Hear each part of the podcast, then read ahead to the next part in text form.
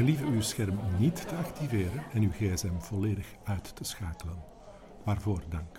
En, wat vond je Wat ervan? vond je ervan? Wat vond je ervan? En? Mooie beelden. Schitterend. Ik heb al betere stukken gezien. Zeg, die ene acteur. In slaap gevallen. Trok echt op niks. Die Wat een. Wat prachtig. Wat was dat? Eh, Ik heb kaakvoerster. er mijn Wat was dat, twijfels over. Die was al sexy, hè?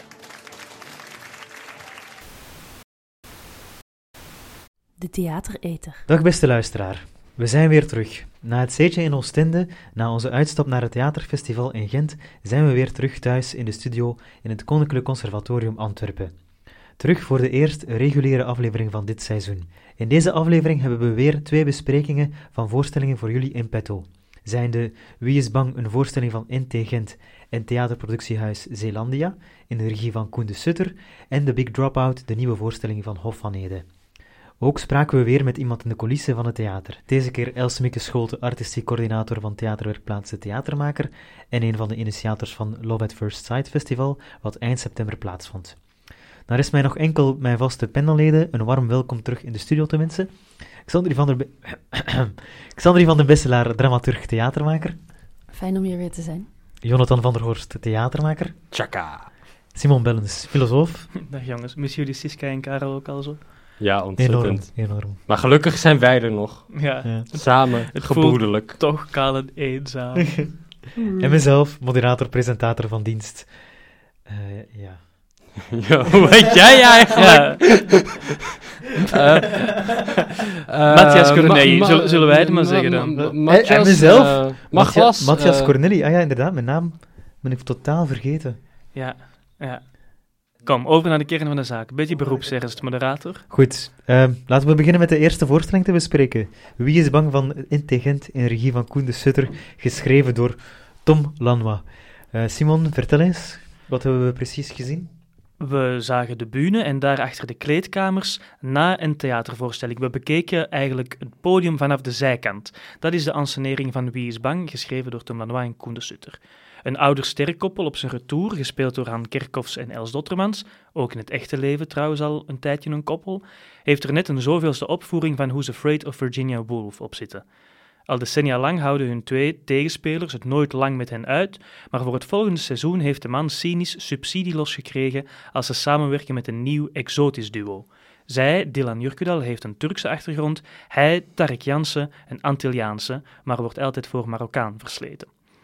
Wanneer zij Dottermans en Kerkhoffs ontmoeten, komt de herkenbare dynamiek van Edward Albee's Who's Afraid of Virginia Woolf deze versie binnen. In een soort prozaïs schelden voor gevorderden legt het oudere paar hun gasten en elkaar het vuur aan de schenen, terwijl het jongere koppel zich laat meeslepen in die ongenadige woordenstrijd, waarin alle eh, hedendaagse hangijzers, van MeToo en decolonisatie tot repertoire, toneel en de dood van het theater, de revue passeren. Oké, dankjewel. Dat is zeer mooi samengevat. Altijd die complimenten. Ik vond het eigenlijk eh, best wel eh, tegenvallen deze Ja, keer. maar, eh, waarom? Wat, wat, wat miste je? Wat miste je, Jonathan? Swing. Is een beetje typische, typische Simon Swing. Maar laten we er niet En- te lang bij stilstaan en- en, doorgaan naar de bespreking van het stuk. Mist je ook schoen in het stuk, Jonathan? Dat is, met- dat is een goeie. Nee, Swing zat er zeker in. Dat, is, dat, heb, ik, dat heb ik niet gemist. Andere, andere dingen dan weer wel, maar daar komen we Oké, nog wel laten we misschien spreken, eerst even hebben over de tekst. Wat vonden we van de tekst van eh, Tom Lanois? En hoe verhoudt deze zich tot het origineel van Edward Albee? Ik wil het gerust voor die tekst opnemen van Tom, Tom Lanois. Ik vond het best, eh, best slim hoe die, eh, hoe die op zoveel verschillende niveaus in dialoog gaat met die originele tekst. En ik vind dat toch een, eh, een heel knap staaltje intertextualiteit. En misschien moet je even Zo- uitleggen hoe die dan in dialoog gaat met het origineel. Ja, zowel op het, eh, op het niveau van de taal. Hè, dus we zien in Edward is, is een hele venijnige, soms heel dense, weinig doorzichtige taal die die twee koppels tegen elkaar gebruiken. En Tom Lanois heeft dat echt naar zijn hand gezet met zijn eigen vertrouwde scheldproza in, in zijn meest expressieve zelf. Eh, maar ook op het niveau van de personages. We zien die twee eh, koppels, in het echt zijn het liefdeskoppels, hier zijn het acteerkoppels en dat opent ook de mogelijkheid om het over het, het, het spelen en, het theater in het algemeen te hebben, maar ook op het niveau van de verhaallijn. Tom Lanois is er toch weer in geslaagd om eh, een, van de, een van de thema's die er in die oorspronkelijke verhaallijn zit, bijvoorbeeld van het ongeboren kind of de mythe van het ongeboren kind van een van de koppels, om daar een gruwelijke eh plotwending aan te geven die daar ja, toch weer, toch weer verrassend en, en, en, en, heel krachtig binnenkomt, vond, vond ik zelf. Jonathan, ik zie je heel bedenkend kijken. Nou ja, wat ze volgens mij heel erg, heel erg gelijk hebben, en wat ik ook heel erg knap vind aan die, aan die tekst van Tom Lanois, en eigenlijk teksten van Tom Lanois in het algemeen is, en wat hij ook ge- gemeen heeft met Elby, is dat taalspel. Er zitten heel veel taalspelletjes in, en eigenlijk zijn al die personages ook bij Elby in Who's Afraid, zijn constant een soort van taalspellen met elkaar aan het spelen, en een soort van door elkaars werkelijkheid heen aan het prikken. En dat vind ik ook wel overtuigend overgebracht in eh Who's Afraid. En dan, maar wat, wat ze dan niet gelijk hebben, en dan kom ik ook meteen op een beetje met mijn probleem met Wie is Bang, is dat eh Who's Afraid en Edward hoe- eh, Edward Albee kiest in Who's Afraid of Virginia Woolf heel duidelijk voor één eh, dramatisch probleem. Eh, namelijk een, een, een, een huwelijk van een, van een koppel wat, wat uit elkaar aan het vallen is, omdat ze cynisch aan het worden zijn. En, en, en er zitten te veel, er zitten, er zitten te veel, te veel oud zeer wat er allemaal op één avond uitkomt. En dat is gewoon de focus van het hele stuk. En daar gaat het drie uur lang, gaat het alleen maar daarover. Met op de achtergrond bijvoorbeeld de jaren 60, Ja, academische dus de, wereld de- Amerika. ja, precies. Dus de, er zijn wel, laten we zeggen, weerklanken van, van, van de buitenwereld die, die naar bin- naar binnen zijpelen. Dat is denk ik onvermijdelijk voor elke schrijver. Maar hij kiest heel duidelijk voor één dramatisch probleem. Terwijl Tom Lanois eigenlijk een hele kaleidoscoop aan dramatische problemen en ook aan maatschappelijke problemen binnenbrengt in zijn, in zijn theater. En ik vind dat hij daar wel... Zoals? Ehm, nou, zoals wat, wat, wat, wat Simon er net al aanhaalde. Zoals de, dus het gaat heel veel over, over het... eh, het, ehm, Dekolonisatie, eh, de dekolonisatie hashtag in, the- in thea- en ook in theater, hoe dat werkt in theater en alle gesprekken die daar rond zijn in theater en over representatie. Eigenlijk waar we het in de podcast ook al met een aantal voorstellingen best wel een aantal keer over gehad hebben. Ehm, Maar vind je dan dat die... Vind je dan dat, dat zijn inderdaad gespreksthema's, dat zijn hete ge- eh, gespreksonderwerpen die aan bod komen, veelvuldig aan bod komen, die ook wel een beetje vuur meekrijgen. Maar vind je dat dat ook... eh, vind je echt dat die dramaturgisch werken? Want ik Nee, dat zou is- misschien vertellen, Nou, dat zeggen dat ze het- wel ten dienste staan van de interne dynamieken, machtsdynamieken die er tussen die koppels zijn. Eh, ja, dat heeft, komt omdat hij het wel een beetje heeft aangepast natuurlijk. Ehm, nou, ik vond het dramaturgisch wel en niet werken. Ik vond het aan de ene kant vond ik het wel, vond ik het wel interessant en merkte ik ook wel dat hij zich daar echt wel in heeft gestort in al die problematiek en dat hij daar ook best wel, een, best wel iets over weet te zeggen en ook wel geloofwaardige personages in weet neer te zetten. Alleen het gaat na een tijdje gaat het over zoveel en over zoveel verschillende dingen dat je die focus die je bij Who's Afraid of Virginia Woolf en gewoon die, die, die, kaleido, die soort van trechter waar je drie uur lang in hebt gezogen, die was ik nu helemaal kwijt. Ja, ik had precies hetzelfde Ehm, eigenlijk.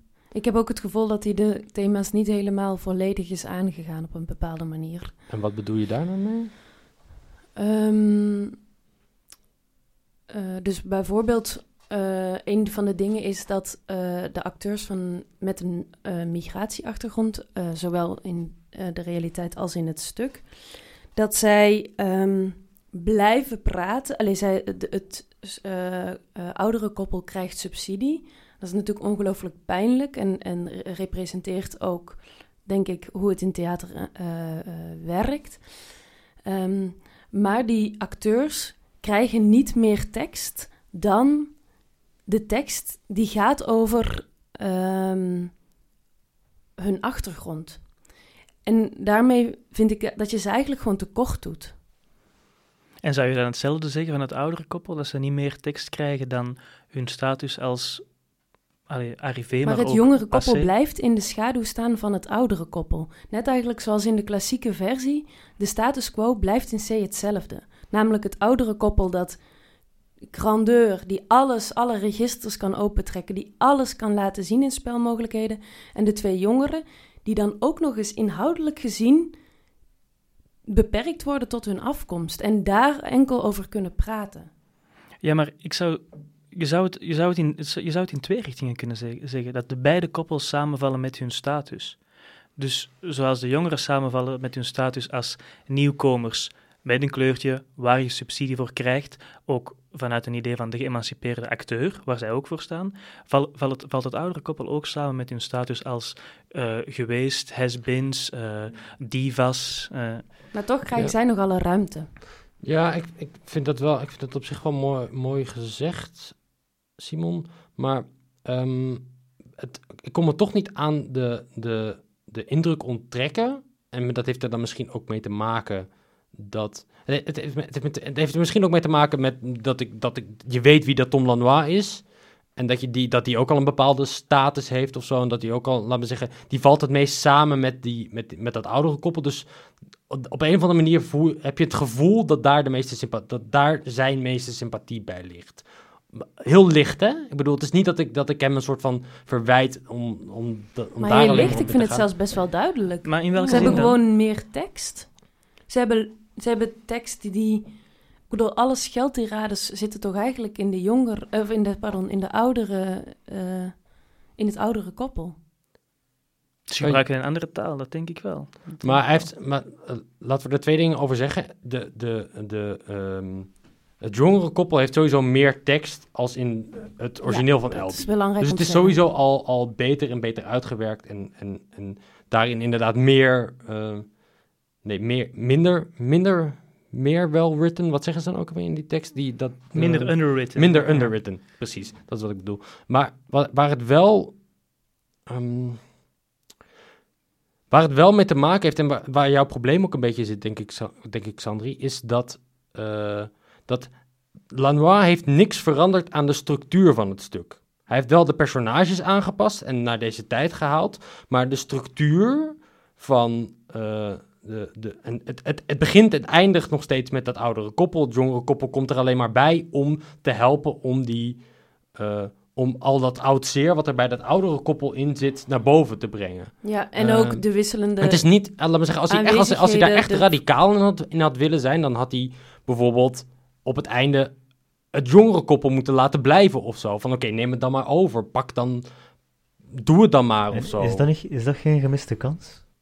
Ehm, ja, ik heb, er, ik, heb er niet, ik, heb er, ik heb er niet zo naar gekeken. Ik vond best dat er wel wat. Dat er wel. Ik vond het na een tijdje gewoon een beetje, beetje saai worden. Eh, en dat lag voor mij aan, aan, dat, aan dat gebrek aan focus over het, over het algemeen. Maar ik heb niet. Ik, ik vond niet per se dat er een soort van gemiste kans, ma- kans was of zo. En op het eind. eh, snapte ik ook best wel. Er stonden best wel een paar mensen recht. En volgens mij waren er echt best wel veel mensen best wel enthousiast in de zaal. En dat snapte ik ook wel ergens. Ik kon er echt wel in komen dat je. Het is gewoon. Het is, het is echt, echt een goed geschreven stuk. Het is super goed gespeeld. De, de ansenering is mooi. Ehm, maar ja, mij wist het dan niet. Wist het dan, Ja, misschien moeten we het wat meer... ja, ja, niet te raken of zo. Ja, maar we, zouden toch niet, we gaan toch niet ernstig de kwaliteit van een stuk afmeten aan of de tekst gelijk verdeeld is en, een, de, en de kwaliteit van een bewerking toch ook niet of het einde radicaal anders is. Ik denk, wat, Maar nee, dat maar is je niet kan wat je er daar, nu maar je kan je daar wel vragen. Je kan je daar wel vragen bij stellen, toch? ja, maar of, Hij thematiseert de emancipatie van acteurs met een migratieachtergrond, maar de status quo blijft gelijk. Dat is eigenlijk wat er gezegd wordt.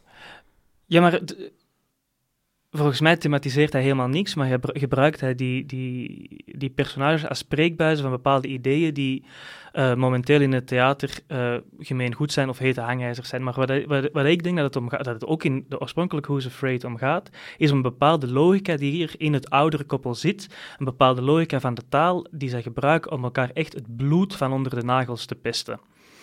En, en, en, en wat, het, wat het stuk zo interessant maakt, is dat er een nieuw, jonger, lager op de ladderkoppel binnenkomt, die zich laat meeslepen in die logica, die eigenlijk ook geperverteerd wordt door die logica van de, kaal, van de taal, die vanuit dat oudere koppel komt. En aan die logica, ik zou het niet meteen een structuur noemen, maar aan die logica verandert hij inderdaad helemaal niks. Maar wat je dan moet afvragen is, eh, vanuit, vanuit, vanuit het standpunt van die logica, vanuit het idee van een bewerking te maken van dat originele stuk, heeft dat andere koppel überhaupt meer te zeggen dan, dan wat ze nu te zeggen. Zijn die personages überhaupt interessant genoeg om er meer van te maken? Ja, want, wat, want het is wel interessant dat zegt, wat je zegt van over die logica. Want dat vind ik eigenlijk in het. Want het, het klopt helemaal, denk ik, wat je zegt. Alleen wat ik aan het origineel ook altijd zo vervelend vind. Is dat het zo, is dat het zo ongelooflijk cynisch is. Dat het zo'n ongelooflijk cynisch mensbeeld in zich draagt. En daar heb ik soms al bij van, van ja, waarom, moet ik hier eigenlijk, waarom moet ik hier eigenlijk naar kijken? Of waarom, ik vind het wel intriger- intrigerend om te zien, hè. Ehm, maar ik, ik heb soms ook wel van, ja, van, van, wat, wat, moet ik, wat moet ik hiermee als mens? Of zo, wat, hoe, hoe helpt mij dit als mens? Of zo. En welk Ehm. mensbeeld vond- vonden jullie dan dat er uit, eh, uit deze versie sprak? Een minder cynisch mensbeeld? Of? Nee. Enkel waarom het bij mij minder diep in, in me kerfde of zo, heeft voor mij heel erg te maken, misschien met wat Jonathan ook net aanhaalde, dat je normaal gesproken eh, eigenlijk op die personage zet en drie uur lang ehm, mensen elkaar kapot ziet maken, eh, eh, mentale spelletjes ziet spelen. En dat er nu z- zoveel wordt aangehaald. Ehm, wat ik bijvoorbeeld wel echt, echt een gemiste kans vind, vind ik de even briljante als trieste eh, vondst dat eh, ehm, de jongere actrice eh, als geheim meedeelt dat ze borstkanker heeft gehad. Ehm, en ze gebruikt die, dat geheim eigenlijk enkel en alleen om te voorkomen dat toen, toen der tijd op de toneelschool, maar later ook in, in het werkveld, om te voorkomen dat mensen aan haar, eh, aan haar zitten of aan haar borsten zitten. En dat vind ik zo'n, nou ja, even triest als, als briljante vondst. En voor mijn gevoel wordt die gewoon weggegooid. Dat is zo in- zo'n pakkend gegeven of zo. En ik denk dat er nog geen drie minuten in het stuk zijn over gegaan. Hm. En hoe zou, hoe zou je die bijvoorbeeld dieper kunnen uitwerken?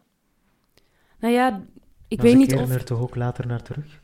Ja, maar het, is, het, het maakt minder indruk dan, dan de geheimen bijvoorbeeld die eh, in Elbi's ehm, versie naar boven komen. Ik vind dat iedere keer echt indrukwekkend. Dat doet gewoon zeer.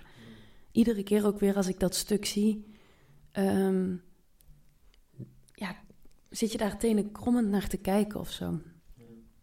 En ik had dat nu gewoon niet. Terwijl ik als ik denk dat iemand zoiets moet bedenken om zichzelf veilig te stellen, vind ik dat wel een heel indrukwekkende gedachte. Maar om eh, eventjes een klein beetje de dingen dan duidelijk te stellen. Jij denkt wel dat dat, dat, dat aan eh, de plot en aan de tekst ligt en niet aan het spel bijvoorbeeld. Of in, ik denk dat, dat er te veel getracht is, of dat er gewoon dat de lagen er zoveel waren, dat, er, dat het ehm, baat had gehad bij een iets strakkere dramaturgie daarin of zo. Iets meer één keuze of twee keuzes.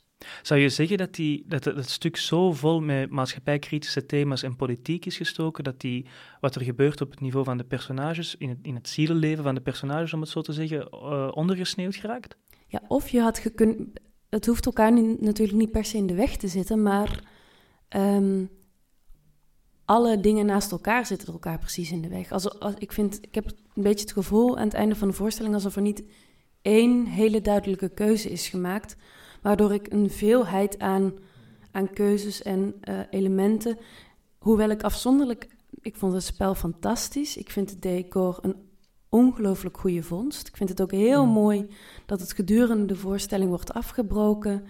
Dat je, eh, ik vind dat dat, dat de, de spanningsboog heel mooi maakt en heel, heel duidelijk eh, toont.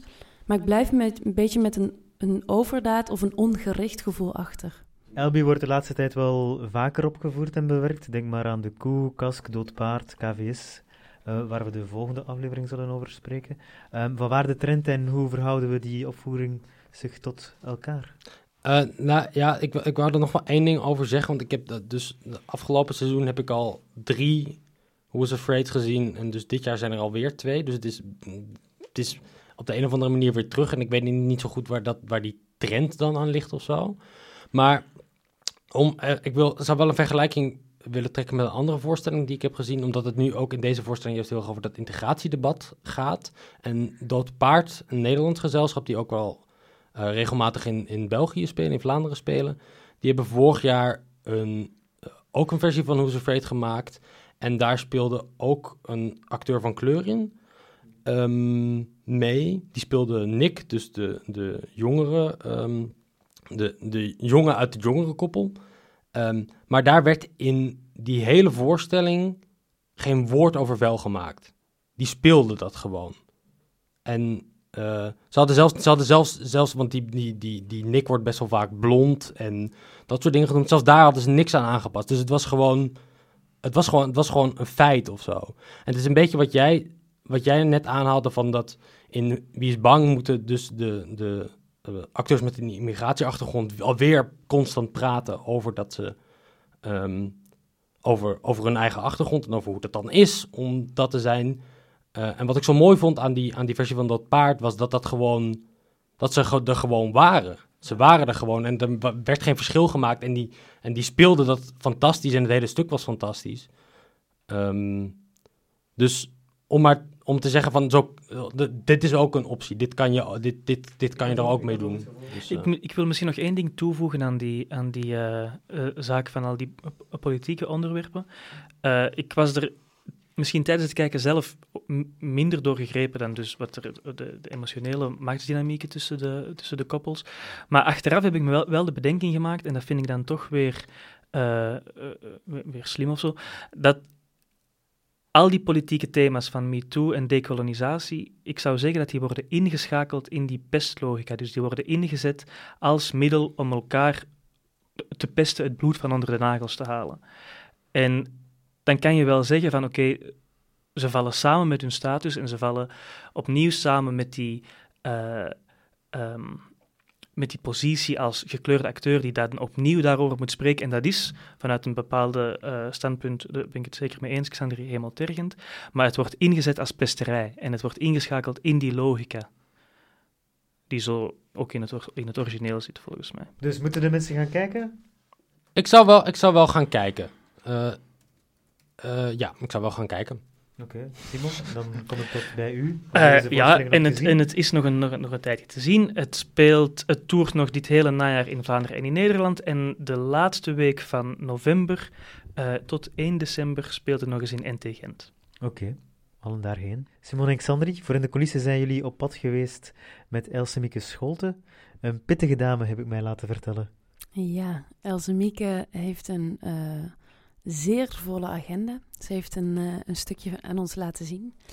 Ehm, ja, als ze op pad is, heeft ze zeker drie eh, afspraken buiten de deur. Ehm, heeft verschillende huizen, heeft nooit een vast eh, kantoor. Altijd verschillende huizen waar ze zit.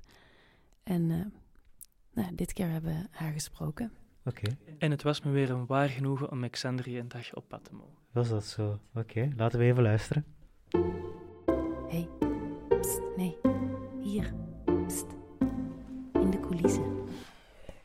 Waar zijn we, Xandri? Oei, heet het Ehm we zijn een WP Ziemer.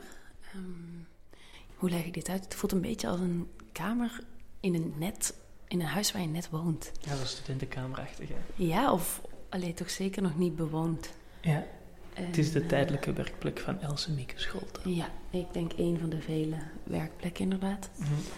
Hallo. Ja, ik was zomaar hier. Hoe, hoe komt het eigenlijk dat je hier bij WP Zimmer aan het werken bent?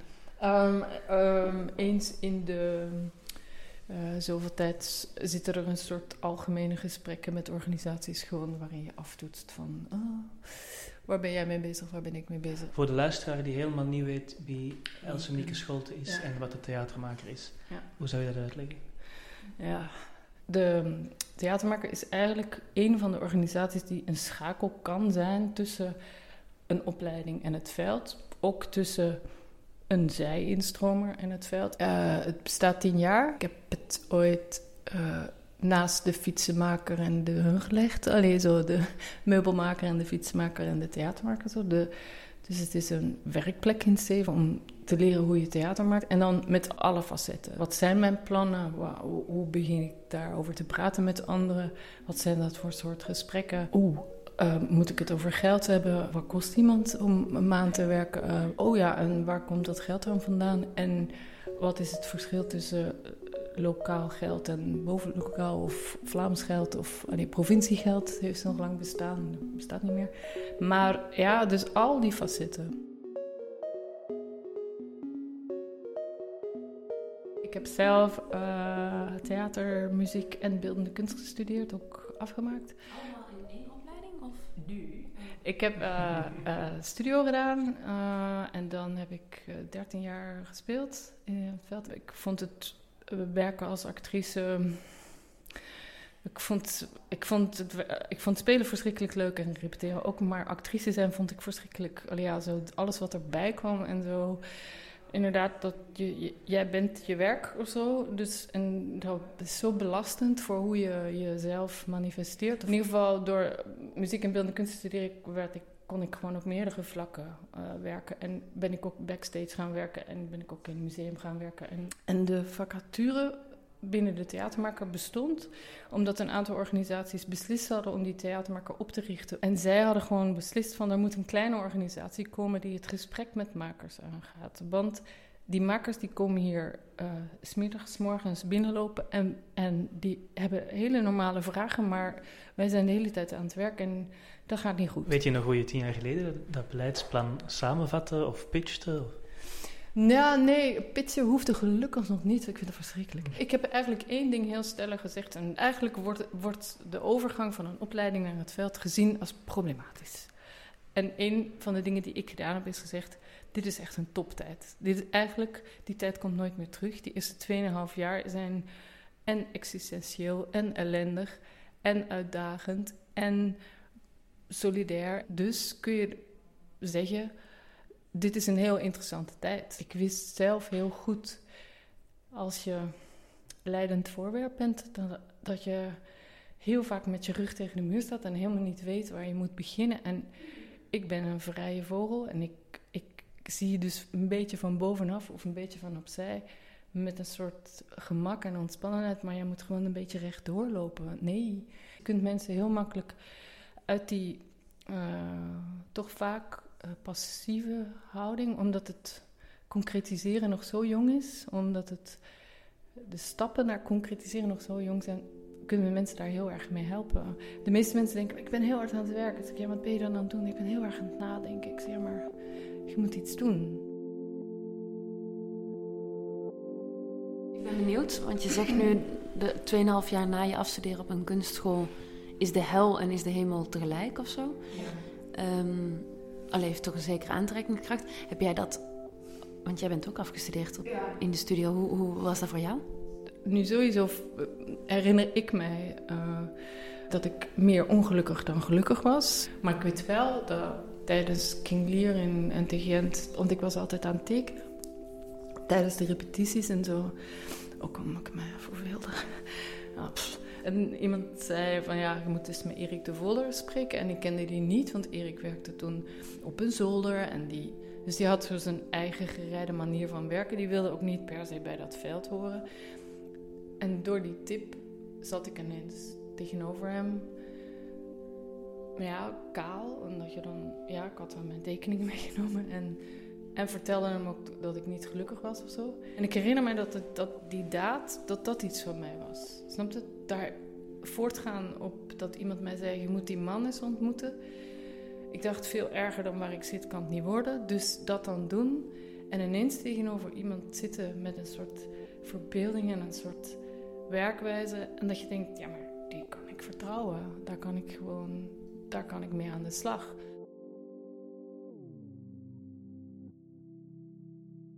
Theatermaker verenigt inderdaad heel veel verschillende jonge makers. Probeer je dan altijd zo hard uh, uit te gaan van wat een maker zelf wilt of nodig heeft? Is het altijd zo op maat van de maker zelf? Ja, het kan niet anders. Het is ook raar bijna om het over uh, jonge makers te hebben, omdat ze zijn zo snel al zo verschillend en zo uh, verscheiden daarin. Dus ja, het is maatwerk uh, in extremis. Er zijn wel een aantal dingen die, die klassiek doen, zowel voor mijzelf, maar ook voor de makers, breng ik een klein beetje structuur aan. Dus op het moment dat we door een fase gaan of zo, bouw ik uh, frequenter uh, vergaderingen in, meetings in, waardoor de opvolging ja, wat strakker kan. Eigenlijk hang ik mijzelf tijdelijk vast aan die maker en vergroot ik het brein met mijn vermogen. En ik doe niks voor hem of haar, maar we doen wel alles zoveel mogelijk samen.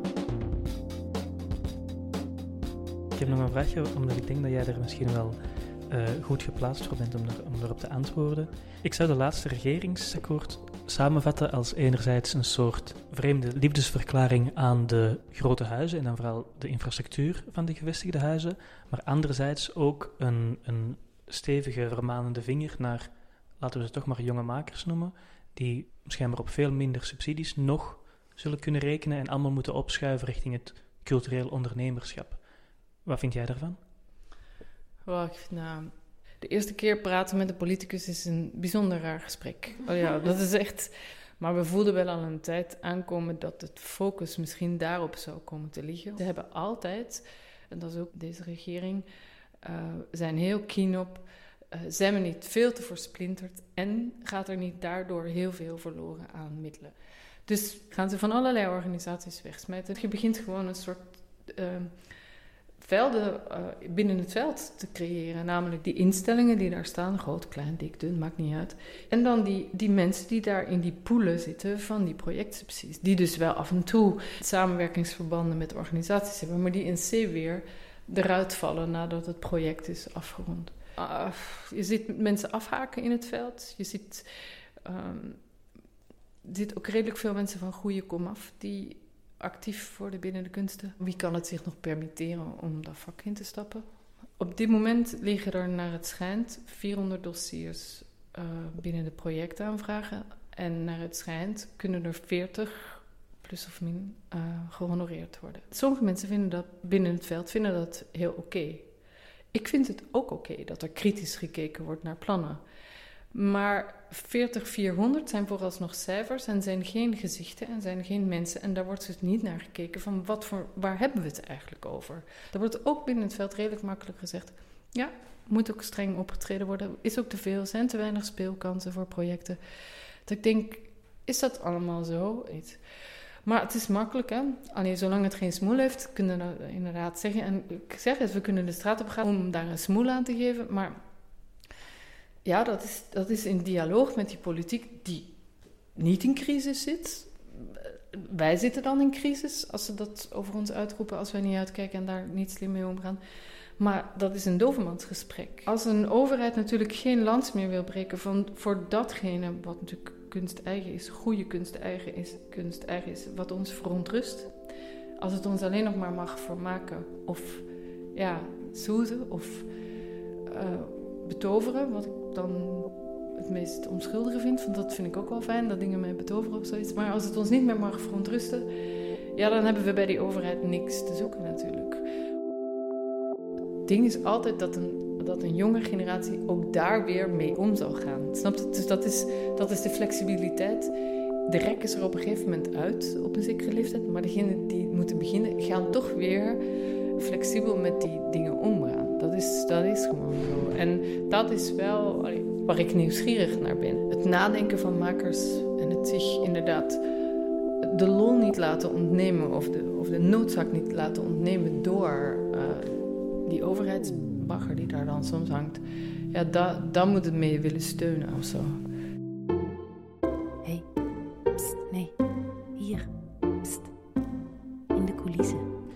Zijn we aangekomen bij de tweede voorstelling, The Big Dropout van Hof van Ede. Simon, vertel eens, wat hebben we daar gezien? Simon vindt het nu al, die vindt het nu al lachen, ja, Oh, dat Big Dropout. Al, al die ernst van u is bang. Mm. Oké, okay, The Big Dropout. uh, voormalig milieuactivist Paul, een rol van uh, Greg Timmermans, en de goeroe van het stille leven Agnes Ans van den Ede hebben zich uit de maatschappij teruggetrokken in de natuur. Hij maakt wandelingen, zij schildert. Maar ze krijgen bezoek van drie gasten, voor wie de tijdelijke terugtrekking uh, in de natuur vooral instrumenteel is. Mitch van Landegem, een dichter met een writersblok, wil inspiratie opdoen. Anne Verkamme, een activiste, zoekt de stilte voor de revolutionaire storm. En een ondernemer, in een rol van Bas van der Schoot, wil echt heel graag helemaal niks meer doen, maar slaagt er nooit in om zich niet nuttig te maken, om niet ergens winst uit te halen. Schildersezels met doeken, rustieke requisieten en een raam boven het podium waardoor het zogezegde daglicht naar binnen valt.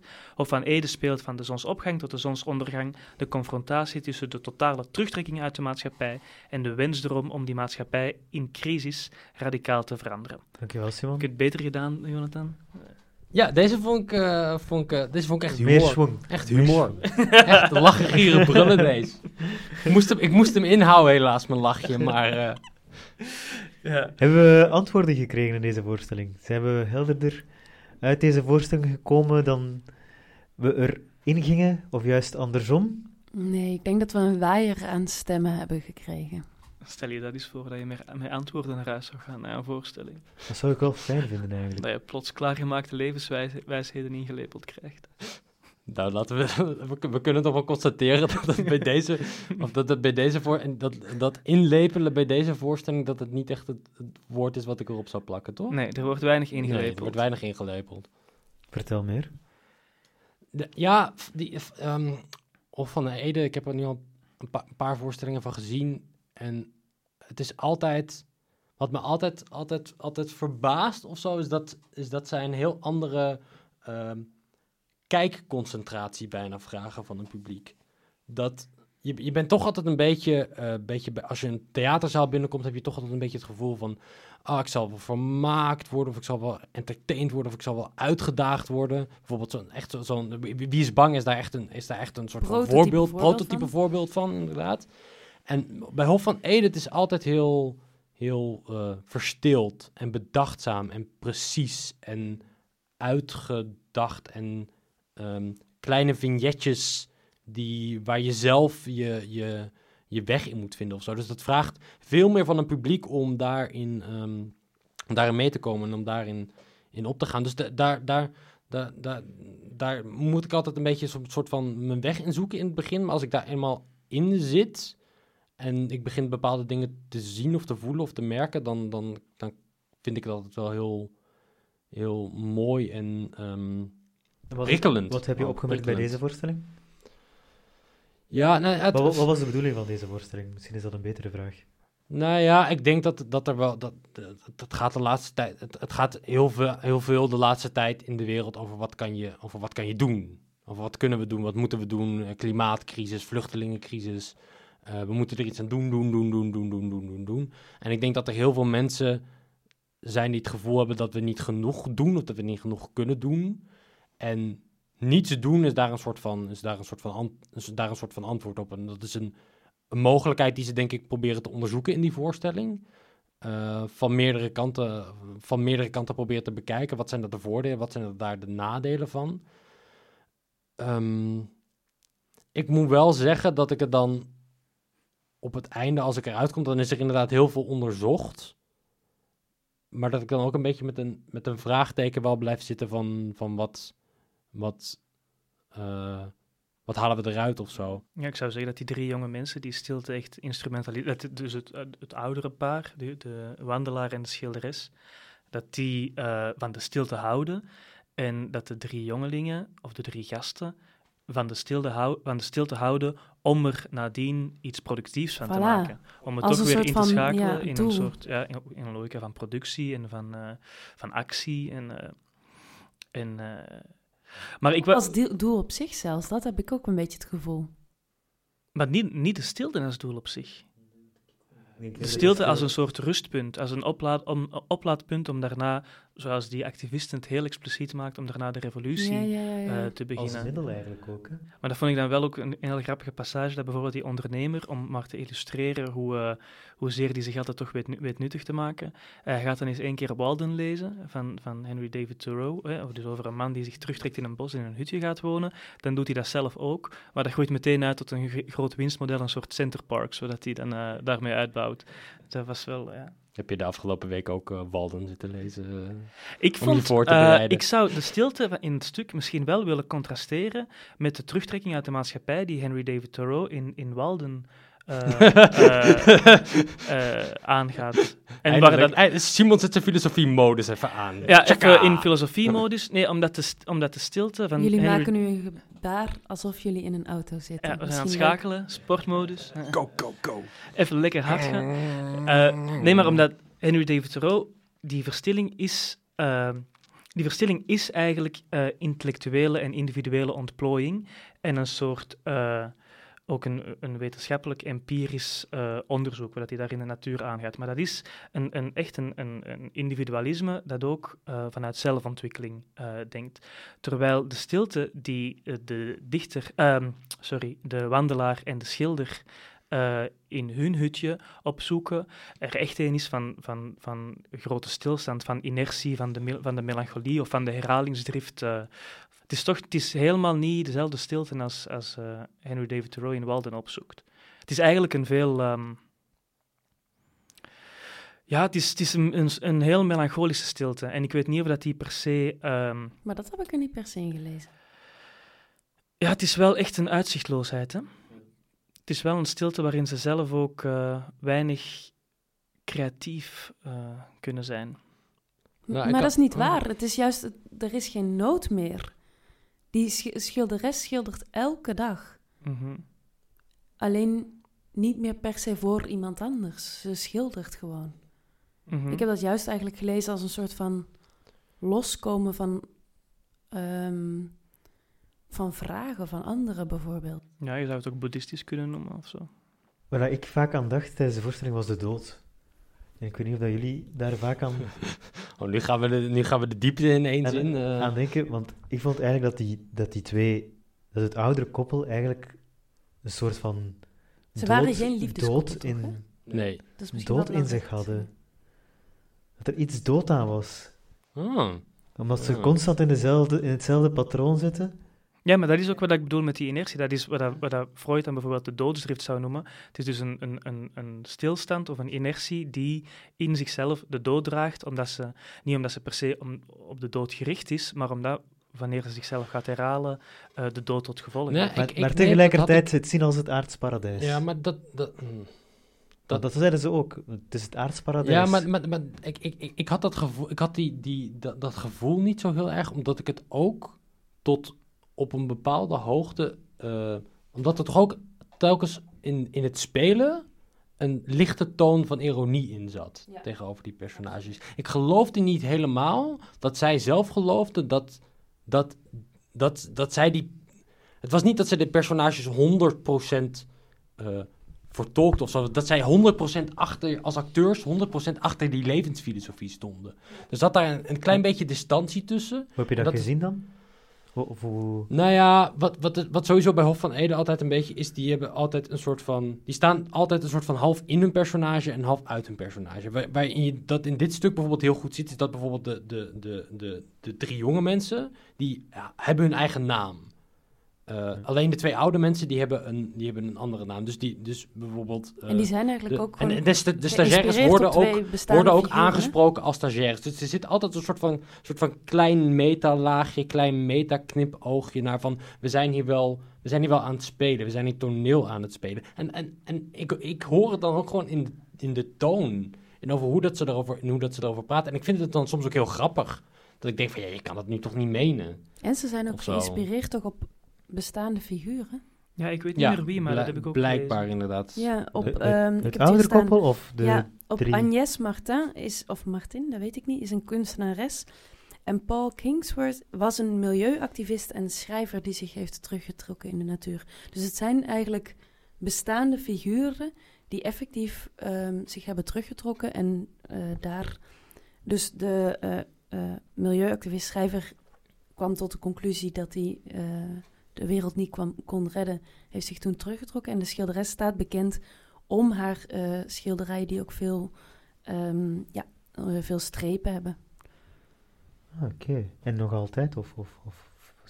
Ik denk dat ze overleden is, maar dat ben ik niet helemaal zeker. Echt geen idee. Maar ik vond het, wat ik misschien wel nog wil zeggen, is dat ik het in die zin ook een beetje een, eh, een valse dichotomie vond. Tussen de keuze die gepresenteerd wordt, alsof ofwel is er een terugtrekken eh, uit de maatschappij, ofwel is er een overgaan tot actie, ehm, voelt voor mij ook niet eh, als een eigenlijke keuze. En in die zin bijvoorbeeld dat er ook, ehm, omwille van, om, omwille van het redelijk basale inzicht dat er ook eh, revolutie kan zijn in de complete stilstand, maar ook dat er gewoon een, een herinschakeling in de status quo kan zijn van het activisme van, en, en, en van revolutionaire krachten. Dus ik vind dat niet per se een... eh, ehm, ik vond dat die soms nog een beetje simplistisch of zo eh, gepresenteerd werd. Mhm. Maar bon, is misschien een, een, Ja. een zijbedenking. En wat, wat, of- Ja, ik ging nog... Van, wat, eh, hadden jullie niet soms het gevoel dat het stuk... En nu moet ik... Ik vond... eh, Ik ga... Ik, ja, ik vond het stuk goed, hè. Ik vond het goed, maar bij sommige momenten vond ik het ook een beetje saai. Nou, ik Mhm. helemaal niet. Helemaal niet? Nee. Nee, dat vond ik ook niet. Nee. Nee? Nee, omdat ze toch inderdaad ehm, in, in dat spel een bepaalde verhouding tot hun personages vinden die mij toch altijd, die altijd net iets subtieler is dan dat je. En de on- ansenering vind ik ook, juist ook waar, waar Jonathan het over heeft.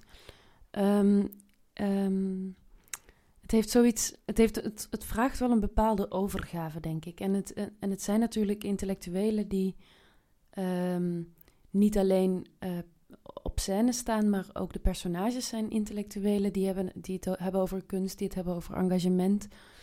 Eh, maar er zit ook een bepaalde vertraging in, die ook voor mijn gevoel echt in de ansenering zit. In eh, het licht, waar Jonathan heel graag een eh, opmerking over ik dacht dat jij er heel graag iets over wou vertellen, maar... Nee hoor, ik paas hem door naar jou. Nou, nou dus, ja, dus, nee, dus, dus, wat, wat ik ook altijd heel goed aan hun vind, is dat zij, dat zij op meerdere niveaus lagen weten aan te brengen in, in, in hun voorstellingen. Dus bijvoorbeeld ook in zoiets als, zo simpel als licht. Dus eh, de, het, eh, op een bepaald moment wordt er gezegd van, ehm, de, dat het stuk begint bij, bij, het stuk begint bij zonsopgang en eindigt bij zonsondergang eigenlijk. En in het lichtplan zit er ook een, een, een een opbouw van, eh, van ochtend naar middag. Dus het begint helemaal in het donker. Da, van den Ede vraagt of dat het licht uit mag. En dan gaat het licht ook helemaal uit. Dan heeft ze een klein pillampje waar dat ze mee schijnt. En dan eh, komt daar heel langzaam eh, van laag uit eh, zacht, zacht roodachtig licht bij. Dus het begint volgens mij eh rechtsvoor begint er een lamp. En dan gaat die, die, die lampen die gaan steeds verder omhoog. Ja, het is een beetje moeilijk uitleggen hoe dat je dat... Dus laat me zeggen, er komt steeds hoger licht totdat ze op het opkomt. midden... Ja, zoals de zon opkomt. En dan in de middag schijnt het licht, laat me zeggen, fel van boven. En dan, in, als het verder naar onder gaat, dan gaat het licht verder naar achter door. En, eh, en dat gebeurt ook telkens op momenten in de tekst waarop dat er, waarop dat er iets lijkt te veranderen. En ook in geluid, er zit een soort van... Ze hebben een soort van soundscape met een soort van, Hmm. soort van vogeltjes die Ja, door het gras, Die door het gras schuifelen of zo.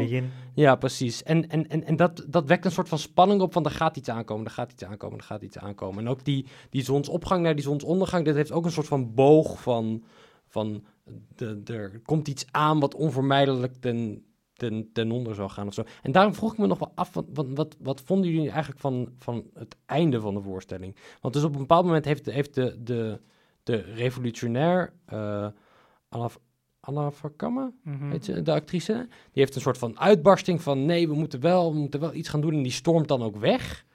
Eh, en dan daarna zit er nog een soort van coda aan de voorstelling, eh, waarin er nog een aantal...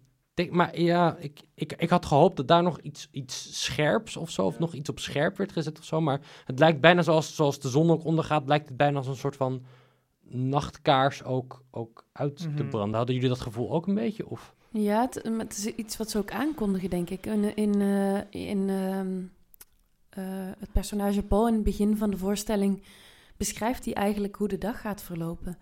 Ehm, welke vogel op welk moment van de dag eh, zich zal laten horen. En ik heb inderdaad het gevoel dat het, dat het daarmee, dat die voorstelling die lijn ook volgt. Ehm, en inderdaad, je hebt natuurlijk een, je hebt een, een, een dramatisch moment waarop er eh, je kunt er verschillende associaties van hebben, waarop er onweer uitbreekt. Of, ehm, nou ja, ik laat een beetje in het midden wat, wat daar moet iedereen van maken, denk ik, wat hij zelf daarin heeft gelezen. Ehm, Die kwam voor mij trouwens omwille van die, wat ik er net zei, maar die valse dichotomie, die tegenstelling tussen het terugtrekken of het eh, tot actie overgaan, die voor mij niet heel erg eigenlijk overkomt, kwam die dramaturgische wending van het grote conflict voor mij ook een beetje gekunsteld over. Hmm. Ja, als je, ja dat, dat, Zeg maar, wel. we zijn ver over tijd, maar mag ik toch nog één vraag stellen aan Xander? Want jij hebt Venice Beach, Beach eh, gezien. Ik ook. En vorige of het eh, op één, Twee, twee stukken terug. twee dus, stukken ja. geleden. Jij was er helemaal van weg. Als je die nu zo nog eens eventjes heel snel met elkaar vergelijkt, en wat vond je er dan zo goed aan en hoe zou je die vergelijken? Ehm, ja, Jonathan heeft het al een beetje aangehaald hoor. Dus daar zit ook dat, dat subtiele van, een, eh, van het lichtontwerp. Wat, dat is mij vooral enorm bijgebleven. Het lichtontwerp dat ongelooflijk is. Eh, zo subtiel dat ik eigenlijk pas op het einde van de voorstelling doorhad dat het compleet veranderd was. Ehm, het, zijn, het, het, het is eigenlijk een beetje eh, vergelijkbaar ehm, met de voorstelling nu. Het zijn ehm exilkunstenaars ten tijde van de Tweede Wereldoorlog eh, die naar ehm, Amerika trekken. Eh, nee, wat zeg ik het Oh. juist? Die wel Amerika trekken en die daar eigenlijk het gemis, die daar hun continent missen, hun cultuur missen, de, de straten missen, de concerten missen. Ehm, eh, zowel thematisch, denk ik, als, als ehm, eh, theatervormelijk een, een eh, vergelijkbare. Hoewel ik moet zeggen dat die voorstelling nog net ietsje meer indruk op mij heeft gemaakt. Kijk eens mij wat een minzaamheid dat je dat toch kan zeggen. Dat is toch, daar kunnen ze toch niet boos voor, voor zijn op jou, denk ik. Wanneer kunnen we die zien, Simon? We kunnen die nog over heel Vlaanderen zien tot zeker 13 november. Dan spelen ze in de Warande in Turnhout. Oké, dankjewel. Dan wil ik nog graag mijn panelleden en de mensen bedanken zonder wie deze podcast niet tot stand had kunnen komen. Bedankt Xandri, Dankjewel, Matthias. bedankt Simon, Eh dankjewel, jullie allen. bedankt Jonathan. Eh, dankjewel. En het is meteen ook de eh, kleine aankondiging. Dit is meteen ook de eerste en de, de, de voorlopig de laatste podcast. Dat ik hier zit. Ik ga er twee maandjes tussenuit, maar we hebben vervanging Nu gaan we een klein Dus stukje therapie eh, doen. Jonathan, wat ga, je, wat ga je eigenlijk doen? Ik, ik ga voor twee maanden eh, naar Japan. Ga jij je daar terugtrekken uit de maatschappij? Ik ga me eh, compleet terugtrekken uit de maatschappij. En wat hoop je daar te vinden? Eh, helemaal niks. Eh, sushi, heel goede sushi. Dat hoop ik daar te vinden. En natuurlijk ook bedankt aan het Koninklijk Conservatorium Antwerpen, de Singel, Integent, CC Sint-Niklaas, Hof van Ede, de Zendelingen en Philippe Tielens. Volg de Zendelingen op alle sociale mediakanalen. Je kan deze podcast terugvinden in je favoriete podcast-app, Spotify, Soundcloud, TuneIn, Stitcher en Castbox, of via de website van de Zendelingen.